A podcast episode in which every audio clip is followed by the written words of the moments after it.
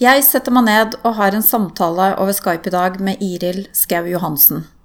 Det som fascinerte meg først da jeg leste om Iril sin historie, var at denne damen alene hadde adoptert hele tre barn fra Kina. Iril hentet sitt første barn i Kina på lik linje med slik de fleste adoptivforeldre gjør. De to neste barna valgte Iril å adoptere eldre barn, altså førskolebarn. Iril forteller fra de tre hentereisene, men også rundt saker som engasjerer henne politisk, om adopsjon og prosessen vi har med dette i Norge.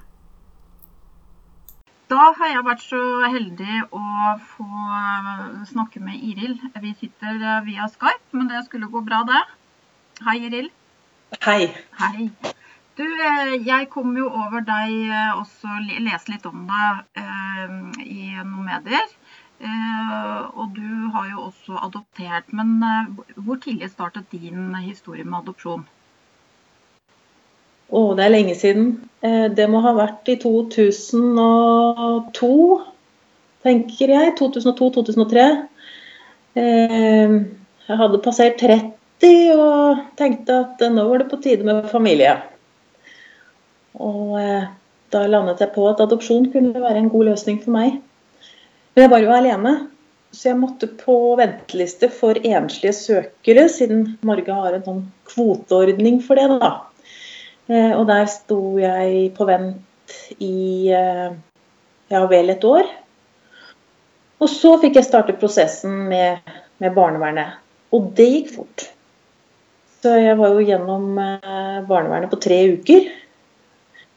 Og Bufetat var like kjappe. Det gikk bare noen uker der også.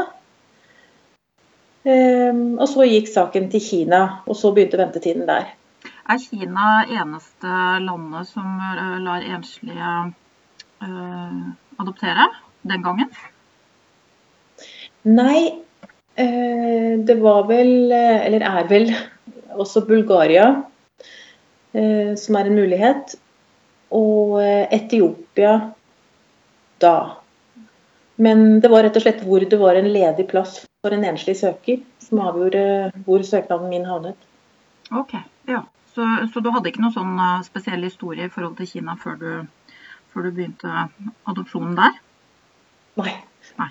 Var, eh, det er kanskje sånn uansett hvilket land man havner på, så blir man veldig fornøyd med, med det, man, det, man, eh, får tildelt og som, som man blir anbefalt. Da. At man ja, begynner å sette seg litt inn i kultur og, og historie og blir litt sånn Eh, man, man, får et, nesten et land til som er ens eget. Mm. Man kjente det i hvert fall. Ja, for noen ganger så føler man kanskje litt så, sånn forplikta til å på en måte sette seg litt inn i det også. Uh, for man skal jo føre det litt videre når barna først har kommet hit. Ja, men jeg syns det, det, kom veldig av seg selv for, eh, for vår del. Kina kommer jo alltid til å være noe spesielt i vår familie. I alle fall. Så det ble litt tilfeldig at det ble Kina første gangen. Um, og så adopterte jeg jo flere ganger, da. Og da um, andre gangen så, um, så sto jeg faktisk eh, oppført på Bulgaria. For da var reglene sånn at eh, jeg som enslig ikke fikk registrere noen søknad i Kina.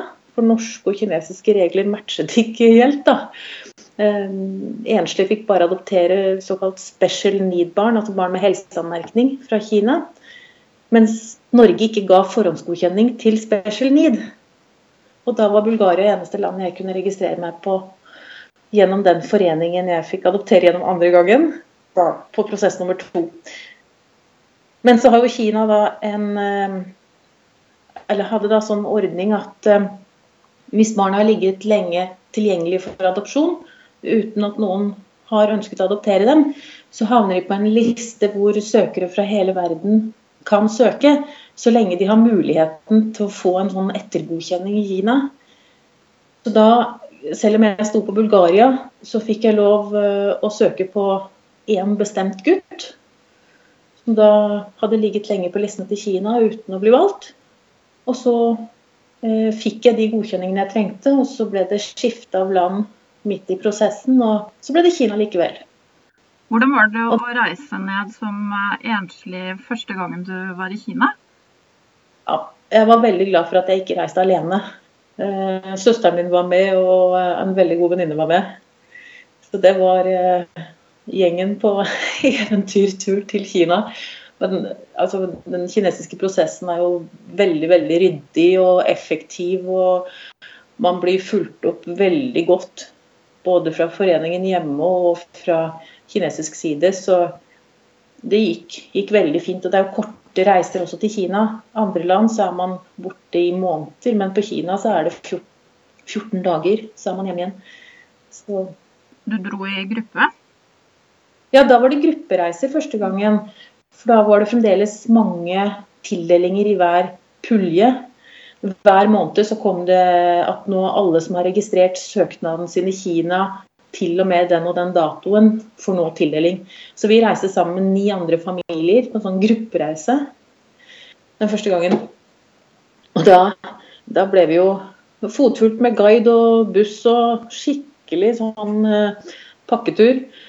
Og den dagen vi skulle få barna, så var det å møte opp ved bussen om morgenen, kjøre til et offentlig kontor. Og så ble vi ropt opp, bare ropt opp en og en familie. Et stort rom med masse familier fra ulike land. Og så ble navnet på barnet ropt opp, og når man hørte navnet på sitt barn, da, så var det bare å reise seg og gå opp og gå frem. og Vær så god og takk, og gå og sette seg igjen med ungen. Og da hadde man fått barn. Ja. Så gikk vi rundt og gratulerte hverandre etterpå. Det vil si, de som var andregangsadoptanter, gikk rundt og gratulerte de andre, for de var litt mer ovenpå. Vi som var førstegangsadoptanter, vi satt vel bare og grein. Det var gledestårer, men det blir jo litt i sjokk. Blir det noe samhold? Er det folk du har hatt kontakt med etterpå også? denne gruppen her? Det er flere vi eh, utveksler julekort med og følger litt med på hverandre da, hvert år. For disse barna har liksom vært på samme barnehjemmet? Ja, og de var så godt som like gamle. Den eldste av de ti barna var 14 dager eldre enn den yngste. Det var ti like store barn i like pysjer med en eh, navnelapp eh, hengt på, på pysjen som, som, ble delt ut. da. Følte jeg var så redd at jeg skulle få feil. jeg hadde jo fått bilde på forhånd av den som var min, da, så jeg tenkte her gjelder det å få sin unge, ja. Hvor er hun? Kjente du henne igjen på bildet, eller? Å ja da. Å ja. ja da. Ja da. Det ble riktig. Og så er det, sånn som jeg har hørt av andre som forteller, så er det litt opplegg i Kina. Dere blir tatt med litt på litt turer og litt guiding og opplever landet litt? Det har faktisk vært samme opplegg hver gang. Og det har vært fint. Ehm, jeg har vært i forskjellige provinser hver gang. Så programmet i provinsen har jo vært nytt. Men ehm, ja, det er veldig for et hyggelig program. Men i hvert fall første gangen man er og henter barn, så har man jo egentlig bare lyst, lyst til å sitte og dulle med, med, ungen sin. Man har ikke lyst til å gå på museum. Så, så, så det, det, føltes jo litt slitsomt på en måte, men uh, i ettertid så er det veldig fint å ha vært rundt og fått sett litt. Og, og tredje gangen vi var på den kinesiske muren, så følte vi oss sånn skikkelig på hjemmebane. ikke sant? Når vi henta, sistemann. Og da var det jo gøy for de to første å, å være med og, og, se seg rundt der også. Og ja, oppleve Kina. Har du hatt med barna tilbake på alle hentereisene? Ja da. Så vi har jo blitt flere og flere som har reist, da. Uh, andre reisen så var uh, samme venninnen og søsteren min med, og i tillegg uh, tenåringsdatteren til venninnen min. Så da var også datteren min, da, så da var vi en litt større gjeng. Og på den siste hentereisen så reiste jeg sammen med en venninne og hennes to døtre. Og så var det jeg da, og mine to barn. Søsteren min satt nede i Antarktis på jobb og heiet. Så da var vi et ganske spesielt reisefølge på tur. Det var vi. Ble, lagt, ble lagt merke til det. To damer og så mange barn på, på tur i Kina. Men det er godt å ha med seg noen nære når man er på en slik reise. Ja, spesielt kanskje hvis man har barn fra før også, så er det litt noe med den der avlastningen for å bli kjent med det her nye barnet. Ja, og de to siste gangene så henta jo jeg litt store barn. og da var det en kjemperessurs å ha med andre barn. Eh, vil, altså, de får jo kontakt på en annen måte enn vi voksne. De er ikke så skumle som, eh, som vi voksne. Jeg tror det, det letta overgangen. Har det, hvordan har det vært å være tilbake i hverdagen? Har det gått greit, føler du? Det har gått veldig greit. Ehm, det er jo alltid litt, eh, litt som skal gå seg til eh, i starten. Det er det ingen tvil om. Men, eh, og, og, senere så husker man jo bare de gode tingene uansett. Er det ikke sånn med alle som får barn man husker bare det som er bra. Så jeg føler vel at jeg surfer på en rosa sky. Men Men ja da. Jo, det har jo vært litt sånn slitsomt til tider også, men ting har gått seg til veldig bra. Hvordan har deres familie gjort det? Har dere vært medlem av noen foreninger og hatt kontakt med andre adopterte? Nå bor vi på Voss, og det er jo ikke noen Kina-forening her akkurat. Da, men vi har en liten sånn uformell eh, mammagruppe som har adoptert alle sammen. Eh, som treffes av og til. Så det er koselig. Så det er et uformelt nettverk, kan vi vel kalle det. Har du engasjert deg litt aktivt i eh, dette her rundt adopsjon? Ja, man klarer jo ikke helt å la være, da. Eh, det er jo ikke lenge siden ny adopsjonslov skulle vedtas. da var jeg så heldig å få være vara på Stortinget, til og med. Og så var det dette med adopsjonsstøtten, da, å få økt den. Der var jeg ganske aktiv på lobbysiden. Mm. Og så står jeg jo som ressursperson for adoptivforeningen jeg adopterte igjennom. Eh, slik at hvis noen andre har tenkt seg til samme land som jeg har vært i, eller noen andre skal hente en seksåring, så kan Inoradopt, som jeg har adoptert gjennom, formidle kontakt hvis de har lyst til å prate med noen som har gjort det før. Ja, Hvordan funker den rollen der da? Blir det på en måte noen disse her kommer for å besøke deg og se hvordan det har gått, eller hvordan funker det? Det må folk gjerne gjøre, men, men, vi bor jo ofte langt fra hverandre, så det blir jo til at man snakkes på telefon. Mm. Men det er hyggelig. Det er veldig hyggelig uh, å få være med. Ja, og så sikkert eh, komme i kontakt med andre som sitter med akkurat de samme spørsmålene som du gjorde den gangen, sikkert? Det er mye det samme man lurer på. Og det samme man bekymrer seg for. Og det går bra. Men det var litt av oppstarten til denne podkasten også, var jo det at man, man har jo behov for så veldig mange svar før man, man går jo ut i et ukjent terreng. Eh, og det også på en måte høre andres historier og og få litt erfaring med det, eh, husker jeg jeg savna veldig den gangen jeg venta. Ja, fordi at når man ser seg rundt, så er jo folk med i barselgrupper og, og sånt noe. Og det er et fellesskap man står på utsiden av. Og ofte så har jo helsestasjon og, de som skal være profesjonelle, de har begrensa med kunnskap om adopterte barn. Og det som fungerer for barn som ikke er adoptert, det fungerer ikke nødvendigvis for de som er adoptert, for de har en annen bakgrunn. De har flere relasjonsbrudd. Det er andre ting å ta hensyn til.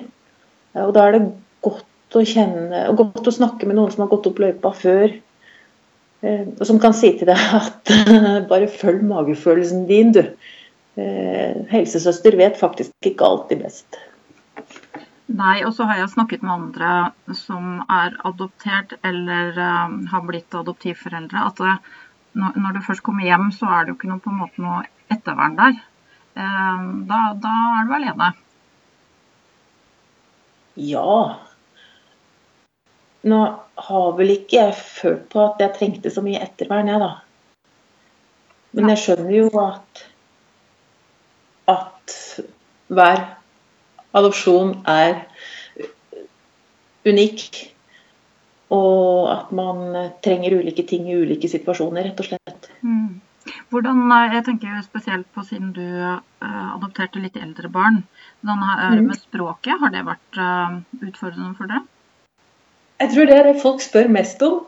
Eh, men eh, jeg tenker det, det vi lærte på, på Handelshøyskolen, om at eh, veldig stor del av kommunikasjonen vår den skjer gjennom mimikk og gester og ansiktsuttrykk. Ja, øyekontakt. Det er riktig.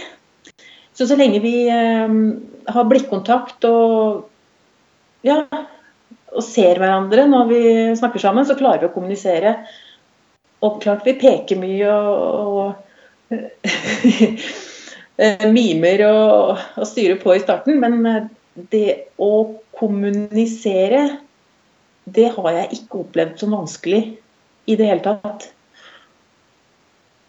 Og så syns jeg ungene lærer jo språk så fort. Og så var vi så heldige at vi eh, vi ringte rett og slett eh, ja, Vi sier jeg, datteren min og jeg. Eh, men eh, jeg ringte flyktningkontoret før vi skulle til Kina og spurte om de visste om det var noen fra Kina på Voss, og det var det. Så vi fikk jo tatt litt språktimer før vi dro av gårde og henta nummer to. Ja, så gøy. Og den familien som hjalp oss da, de, de ble jo morsmålslærere også en stund da, for sønnen min etter at vi var kommet hjem. Så det var jo en knallressurs å, å få hjelp av. Så det er absolutt å anbefale. Da fikk vi med eh, enkle ord og uttrykk. ikke sant? Må du på do, eller er du sulten? Eller bare det å telle til ti. Det, ja, det kan brukes. Det er nyttig. For du tenker at uh, du vil opprettholde språket? At, uh, at sønnen din skal ja. Jo, det da. Men sønnen min var ikke enig. Så da droppet vi det etter en stund. Men i starten så var det hjelp også på skolen, for sønnen min han begynte jo på skolen seks uker etter at han kom til Norge. Og det å ha med en tolk i klasserommet, det var jo kjempegreier, det også. Barn nummer tre hadde også, hadde også eh, språket der, holdt jeg på å si. Eh, hadde dere samme opplegg der også? Nei, det ble litt annerledes igjen. For hun kom hjem eh, rett før jul, en måned før jul. Eh, for litt over et år siden. Og hun begynte ikke på skolen før nå i høst. Så vi hadde jo lang tid hjemme sammen før, før skolestart, i hvert fall. Men vi har jo fortsatt kontakt med den samme familien som vi ble kjent med før vi henta nummer to. Eh, så de, de, er jo fortsatt med på laget mitt, hvis jeg kan si det sånn. Det er utrolig godt å ha ha venner rundt seg og ha nettverk når man, når man adopterer. Det er folk som har lyst til å, å, være med og bidra. Så det er jeg glad for. Du, du, du, er ikke opprinnelig fra Voss? Hører du det? Ja. Eh, men eh, har du familie og, og, sånn i nærheten, eller? Nei, altså nærmeste familie bor noen timer unna. Men jeg pleier å si at når du kan adoptere barn, så kan du jo stort sett adoptere hva det måtte være. Så vi har adoptert noen ekstra onkler og tanter og besteforeldre har vi adoptert litt et ekstra sett av. og det, det, er jo, det er jo mange mennesker som eh, gjerne vil ha litt mer familie. Um, det vil vi også. Så ja, og barna har eh, mange faddere hver som bor i nærheten. Og ja, vi har blir knytta til oss mennesker vi trives sammen med. Er det pga. jobb dere har havnet eh, på Voss? Nei, det var vel pga. adopsjon. Jeg eh, jobbet egentlig på Hurtigruta. Tre uker av og tre uker på. og Det syns jo kanskje ikke barnevernet var det ideelle når man skulle adoptere alene. Så da eh, var det et krav at jeg fikk meg en eh, litt mer sånn A4-jobb, da. Jeg begynte å søke rundt, og det var ikke så enkelt å finne noe i Bergen der jeg bodde da. Og så hadde jeg hytte på Voss, så begynte jeg å søke på Voss også. Og så fikk jeg da jobb på Voss noen uker før det her første intervjuet med barnevern og hjemmebesøk og de tingene. Så da var det i boks. Jeg skulle ikke være her så lenge, tenkte jeg, men eh, det er jo et fint sted for unger å vokse opp da. Det er, um, denne søskenflokken, er de ganske nærme i alder, i og med at du hentet uh, først et lite barn og så to litt større? Ja, jeg spøker litt med at jeg har sånn designfamilie, da. Barna er 12, 9 og 6 år. Så, to jenter og en gutt. Var det forskjell, var det forskjell å hente de eldre barna i forhold til det yngste? Ja, det var det. Men det var nok den første prosessen som var tøffest. Den første Ja. Den første adopsjonen min var nok den tøffeste. Det var eh, Det var mye lettere å ja, kommunisere med, med, de som var litt større, enn med den som bare var tolv måneder og trengte mye ekstra oppfølging. Så eh, ja, jeg syns det var ganske ensomt det første året med barn alene. Når du er ledig hjemme med en liten unge med vannkopper vet du, i 14 dager og ikke kan gå ut av døra, så,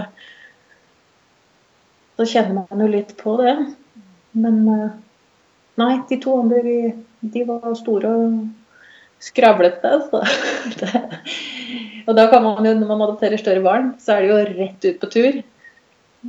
Gå på ja, korøving og taekwondo og alt det andre man driver med man kommer jo rett i kontakt med andre foreldre som har barn på de samme aktivitetene og på skolen. og det var mye mer sosialt å, å, hente større barn enn å være alene med en som ikke hadde begynt i barnehage, ikke begynt på skole. Du hadde ikke noe ja, barselgruppe som nevnt, eller noe annet sånn fast å gå på. Du skulle gikk på sånn babysang en gang i uka. Det var den dagen i uka vi var sosiale. Men så nå kommer vi hjem med, med større barn. Hvordan, eh, hvordan, opplevde du at de reagerte på det? Var det bare et eventyr for deg? Nei, den, prosess nummer to var jo Det var en eh, tøff start de første ukene. Vi fant ikke tonen, får vi bare slå fast, han og jeg. Eh, søsteren min fikk meg på rett spor. Hun ga meg en alvorspreken om hvem som måtte ta seg sammen her, og det var faktisk den voksne. Og så gjorde jeg det, og da gikk det bra. Ehm, jeg er ikke så veldig kry av den starten der. Det Ja. Den voksne må være den voksne og, og skjerpe seg først og åpne hjertet først. Sånn er det bare. Men eh, etter de første få ukene så ble alt uh, veldig godt. Veldig bra. Hva visste de om Norge før de uh, kom hit? Var de fått noe informasjon der de var? Nei, det har jeg fått vite Fikk jeg vite etter hvert, da. At han stakkars gutten min, som da hadde bodd i en og samme fosterfamilie hele livet, der fikk familien beskjed dagen før han skulle reise. Oi.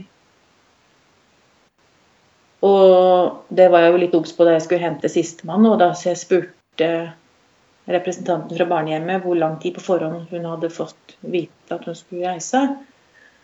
Og da fikk jeg til svar at uh, det var ikke noe vits i å fortelle dem noe, for de var for små til å skjønne noe likevel. Så det må man jo bare ha med seg i bakhodet når man henter større barn. Mm. mm det er sånn jeg skulle ønske jeg hadde vært klar over før jeg henta nummer to. At de har faktisk kanskje ikke fått vite noen ting på forhånd. Er det vanlig at disse barna som er større, er i fosterhjem også, istedenfor uh, barnehjem?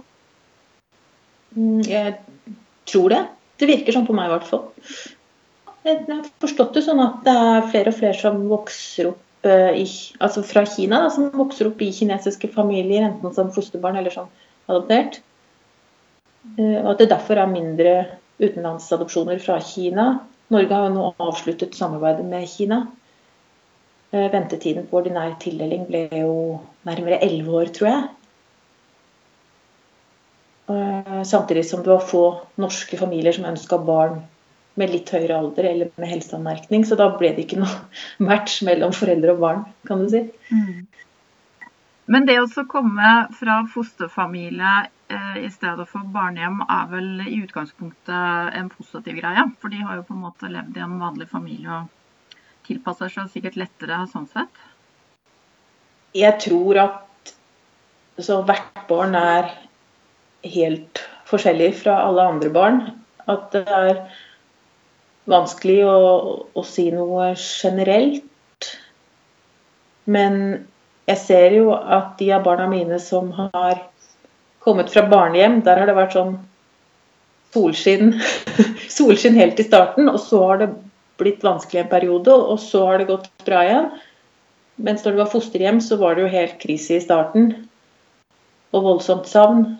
Eh, men de, da er man gjerne vant til det her med å være i familie. Man kan familieliv og rutiner og sånn på en annen måte. Sånn at eh, det blir fort veldig veldig greit igjen også. Men alle, alle reagerer jo forskjellig på, på, en sånn overgang. Det er å få ny familie og nytt hjemland og ja. Er det forskjell, syns du, i og med at du har opplevd begge deler, eh, interessen de forskjellige barna har til hjemlandet sitt? da? Er det forskjell på det, eller er ikke det noe tema i hverdagen?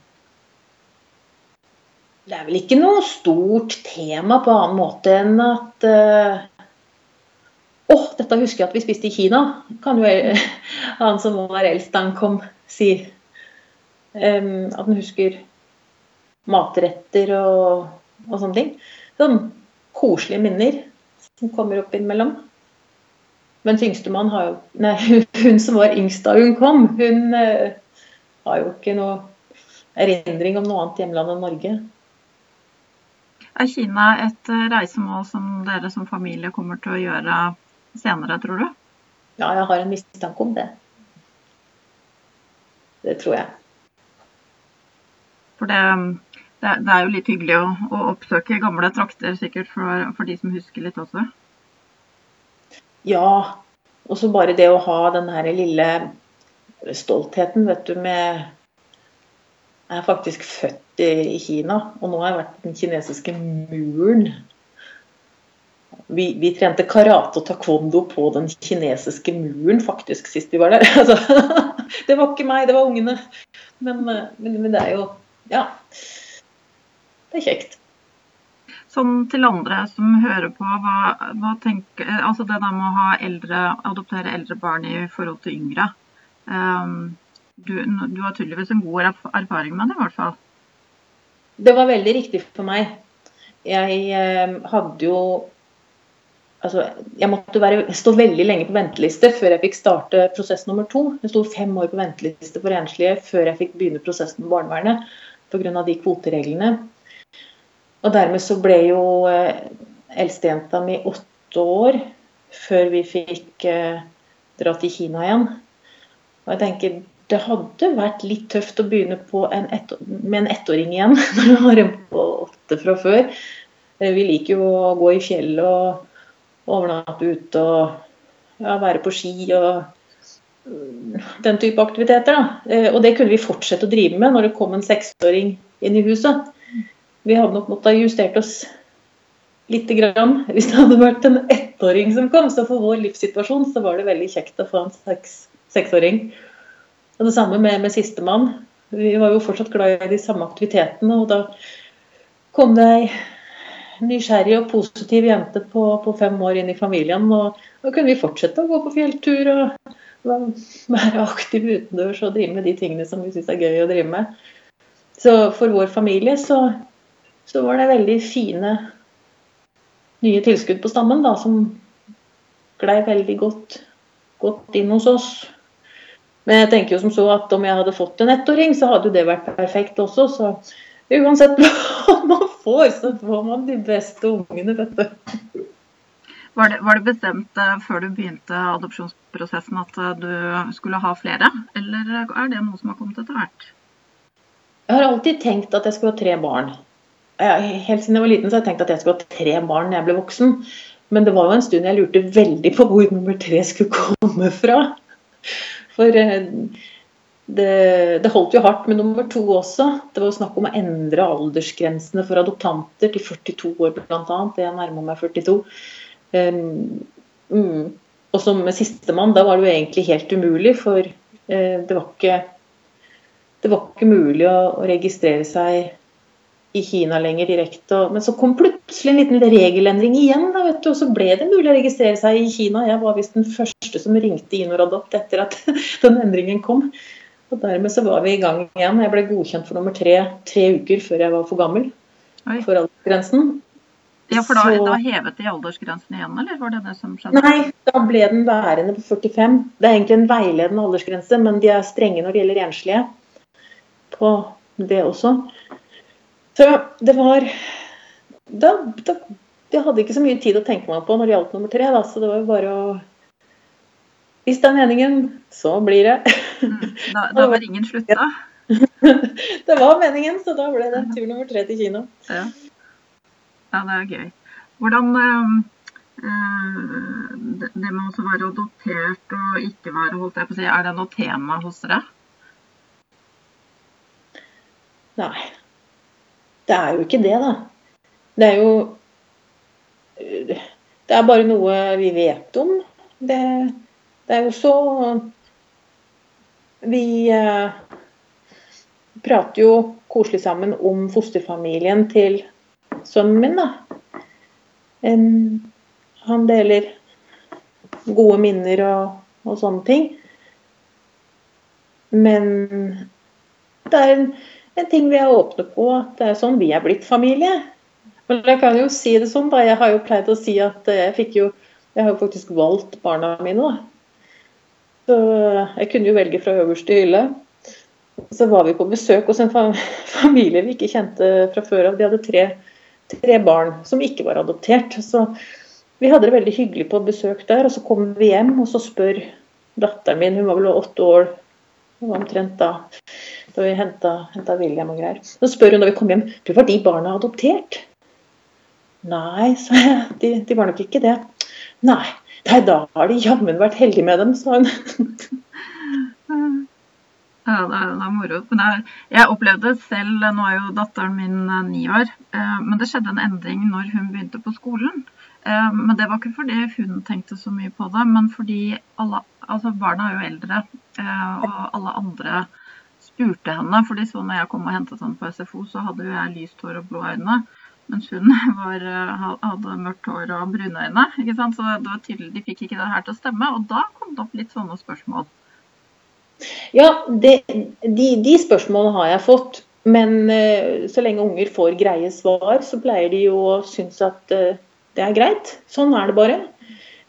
Så ja, så har de jo hatt sånn dag i første klasse alle sammen om ulike, ulike typer familier. Og da har jeg fått lov å komme og snakke om adopsjon. Og det Ungene har nikka ettertenksomt og tatt til seg informasjonen, og da er det på en måte ferdig snakka. Og sånn er det i den familien. Enkelt og greit. Voksne syns ofte at ting er veldig mye mer komplisert enn barn. Det er i hvert fall mitt inntrykk. Jeg mener jeg har lest litt om at du, eh, du Er du litt aktiv med å, å holde noen foredrag og sånn om dette her? Aktiv er jeg nok ikke. Jeg fikk være med en gang på en nordisk adopsjonskonferanse. Eh, hvor jeg fikk snakke om det å adoptere litt større barn, hvordan det hadde fungert for vår del. Det var veldig kjekt å være med på den. Mm. Og så hender det jo at jeg snakker adopsjon i politiske sammenhenger. Da. Jeg klarer jo ikke å la være. Hvis temaet er på banen, så, så må jeg opp og snakke. Ja. Hvilke saker er det som engasjerer deg da, når det gjelder adoptive saker? Jeg syns fortsatt at uh, adopsjonsprosessen er uh, litt for komplisert. Jeg syns det er altfor vanskelig å få adoptere de barna som aller mest trenger et nytt hjem, de som er aller mest sårbare fordi de har en helseutfordring av et eller annet slag. At Norge da skal være mer restriktive enn andre land. Norge som har det beste helsevesenet, gode skoler. Og så skal vi synes det er helt umulig å ta imot de barna som noen ønsker å bli foreldrene til, og som har helseanmerkninger. Det syns jeg ikke henger helt sammen.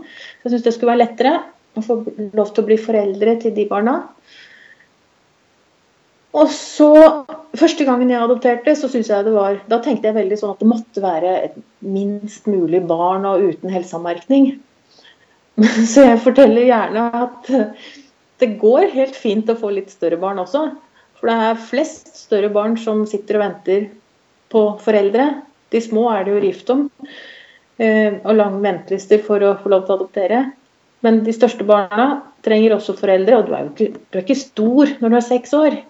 Du er ganske liten når du er seks år, og du trenger så veldig å få foreldre hvis du ikke har det. Og det er jo trist at at vi er så mange som syns at det høres veldig skummelt ut sånn første gangen, da. For det, det kan bli veldig kjekt, det òg. Å få, få, litt større barn hjem.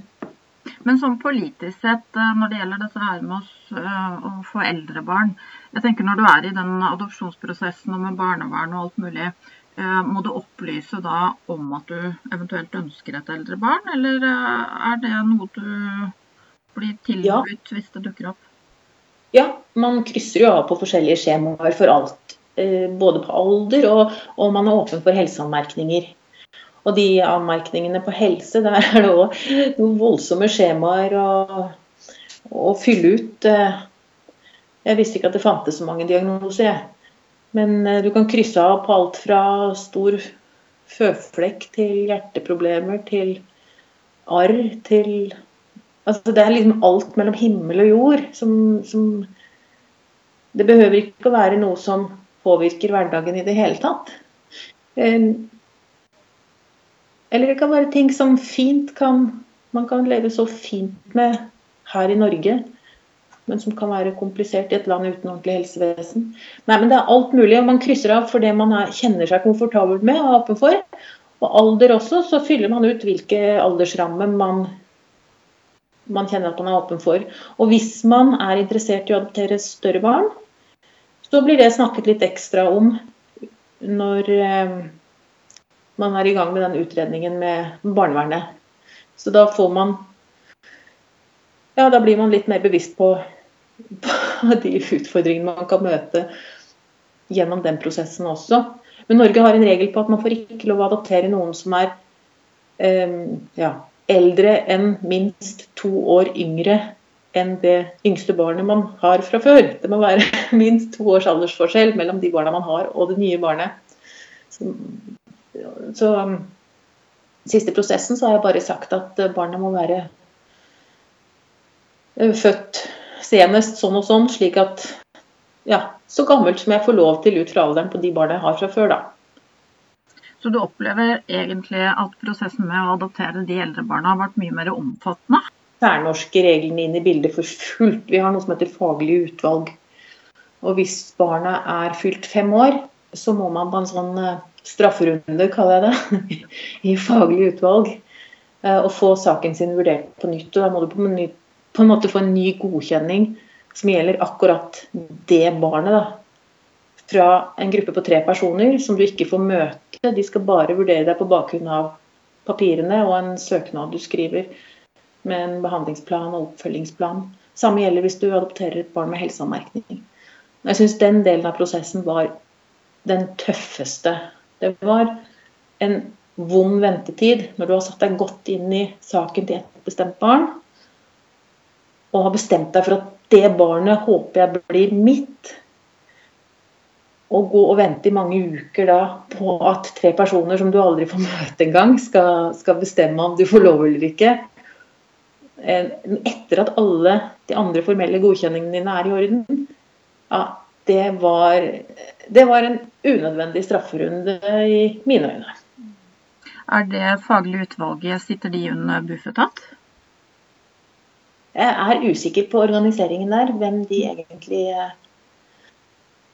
er organisert under, ja. Eh, men man har ingen ankemuligheter, i hvert fall, når de har fattet vedtaket sitt. Eller jeg lurer på om man kan anke til de samme menneskene. At Be de samme folka se på saken en gang til. Jeg kjenner ingen som har fått eh, godkjenning i andre runde der. Jeg kjenner lite til dette her med eldre barn. For det, det du sier er at du får, du får, eh, et navn og et spesielt barn ganske tidlig i prosessen der, da, men da skal du først bli godkjent etter det igjen? Er det sånn? Ja, når man er ferdig med hele adopsjonsprosessen. Da er du godkjent i Norge, så er du godkjent i det landet du tenker at du kommer til å få barn fra. Og det som skjer da vanligvis i ordinære prosesser, som det heter, hvor det er mindre barn og barn uten helseanmerkning, det er at man får beskjed om at nå har du fått tildeling, og så reiser man etter en viss tid, som varierer fra land til land, og henter barnet sitt. Noen land krever at man reiser to ganger. En gang og møter barnet, og så en gang for å hente det. Men hvis barnet er over fem år eller har helseanmerkning Når du da får forespørsel om barn, så um, får du litt tid på å sette deg inn i mappa til barnet, kan du si. All informasjonen som er tilgjengelig om barnet. Så melder du tilbake ja, jeg ønsker å adoptere det barnet. Da blir fila låst til deg på det barnet. Og så vet de andre landene, selv om de ikke er så veldig happy for det, at Norge har en sånn egen greie da, som heter faglig utvalg, som ingen andre land har. Og så må du begynne å skrive søknad til faglig utvalg.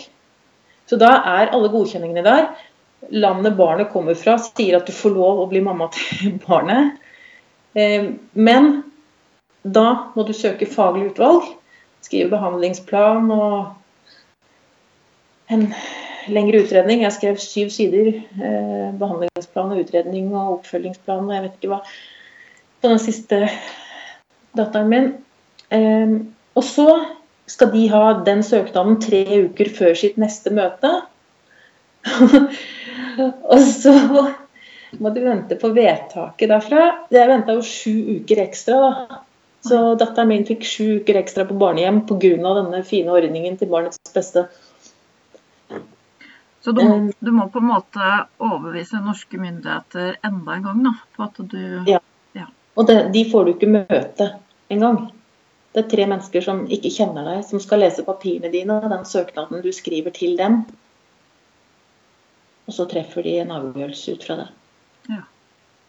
Og det er det bare Norge i Norden i hvert fall som har, eller? Jeg trodde ikke det var noen andre land som hadde det. Det er liksom for at man skal tenke seg godt om, sier de. Men jeg er nokså overbevist om at når du har satt deg inn i all tilgjengelig informasjon om et barn, og bestemt deg for at dette er det barnet jeg ønsker å bli mammaen til, da da har du allerede gjort en nøye vurdering. I hvert fall så har ikke de rundene i faglig utvalg tilført meg noe positivt. Eller min sak noe positivt, det vil jeg si. Det var veldig krevende uker. Ja, det forstår jeg. Den eh, prosessen var jeg faktisk ikke klar over at det fantes engang.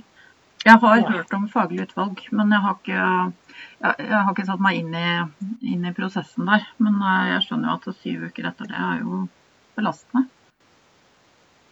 Ja. Og jeg kan jo bare si at jeg vurderte jo filer før jeg sa ja til å adoptere hun som ble datteren min nå sist. Filer hvor jeg faktisk sa nei. Dette blir for, eh, for Tror jeg ikke jeg klarer. Jeg kan ikke ha Jeg kan ikke si ja til et barn med en uavklart diagnose hvor vi kanskje må skvette opp på natten og kjøre til sykehus og sånne ting når jeg har to barn hjemme fra før. Så jeg sa jo nei til tre barn faktisk før jeg sa ja til hun som ble jenta mi da, til slutt. Så jeg tror nok folk gjør, gjør veldig nøye vurderinger før de sier ja til større barn eller barn med helseanmerkning. Så det at faglig utvalg skal få oss til å tenke oss om en gang til Når søknaden har gått til faglig utvalg, da har vi, vi er ferdig tenkt lenge før og vi har gjort nøye, grundige vurderinger lenge før vi sender noen søknad til faglig utvalg. Er det en sånn sak du har prøvd å påvirke litt politisk også, eller? Ja, absolutt. Hvilke, hvilke går du gjennom da? Er det i form av um, parti, holdt jeg på å si, eller? Eh? Ja, jeg er, jeg er jo medlem av et politisk parti og snakker mye med mine folk, men jeg har også snakka med representanter eh, fra andre partier om disse tingene. Er det noe bevegelse der? Er det noe tegn til at det kanskje kommer til å bli tatt opp? Jeg tror det er, ingen, det er så få som kjenner til dette med faglig utvalg. Og det høres jo veldig fint ut, da. At man får en sånn ekstra forsikring i siste runde, og at folk skal tenke seg ekstra godt om. Og på papiret høres det jo veldig bra ut. Men jeg tenker at den eh, tilleggsbelastningen det er for eh, adoptivfamilie, den, den er så stor eh, sammenlignet med hva det egentlig tilfører av noe positivt i prosessen. Det må jo sies at de fleste får jo ja i faglig utvalg. Og når de får nei, så er det gjerne pga. sånne ting som Mm, jeg kjenner i hvert fall to familier hvor barnet var to måneder for gammelt med tanke på den toårig forskjell på alder-regelen. Og Da er det visstnok til barnets beste at det får fortsette å bo på barnehjem istedenfor å komme til disse familiene. Altså, jeg syns ikke at det tilfører noen noe positivt, nei. Nei, men altså, Det er for få som kjenner til denne biten. For selv om stadig flere adopsjoner er av større barn eller barn med helsemerkning, at det, det, er stadig flere som må gjennom den runden, så er det fortsatt et veldig lite antall. Så det berører ikke så mange, da. Nei. Blir det sjelden noen stor sak. Men da er jeg i hvert fall veldig glad for at vi fikk tatt det opp her. Fordi eh, det kan jo være andre som tenker å gå gjennom den prosessen, og da vet de i hvert fall litt hva man har i vente.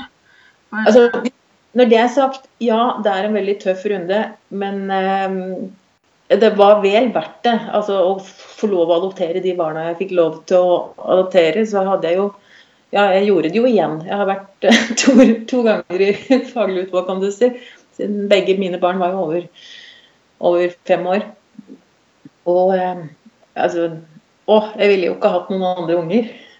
Nei, nå tenkte ikke jeg for å avskrekke, men det er egentlig bare litt for å være litt sånn informert om prosessen i det. For at eh, det er klart at uh, det skal jo ikke avskrekke noen fra å gjøre det. Det er jo egentlig bare for å Det må det ikke. Ja. Også, Og det er jo, ja. Det er jo så ventetid òg, uansett, for å få lov å adoptere større barn. For de sitter der og venter på at noen skal bli foreldrene deres. Det er ikke sånn som når man adopterer småbarn, at man går og venter på at det skal dukke opp noen man kan få bli forelder til. Det har vært veldig veldig ålreit å snakke med deg, Iril, og høre din historie. Og spesielt uh, denne her kontrasten med større barn og mindre barn. Uh, I og med at du har opplevd begge deler. Ja, jeg har i hvert fall fått en veldig flott familie som jeg er veldig glad i og veldig stolt av. Kunne ikke hatt det bedre.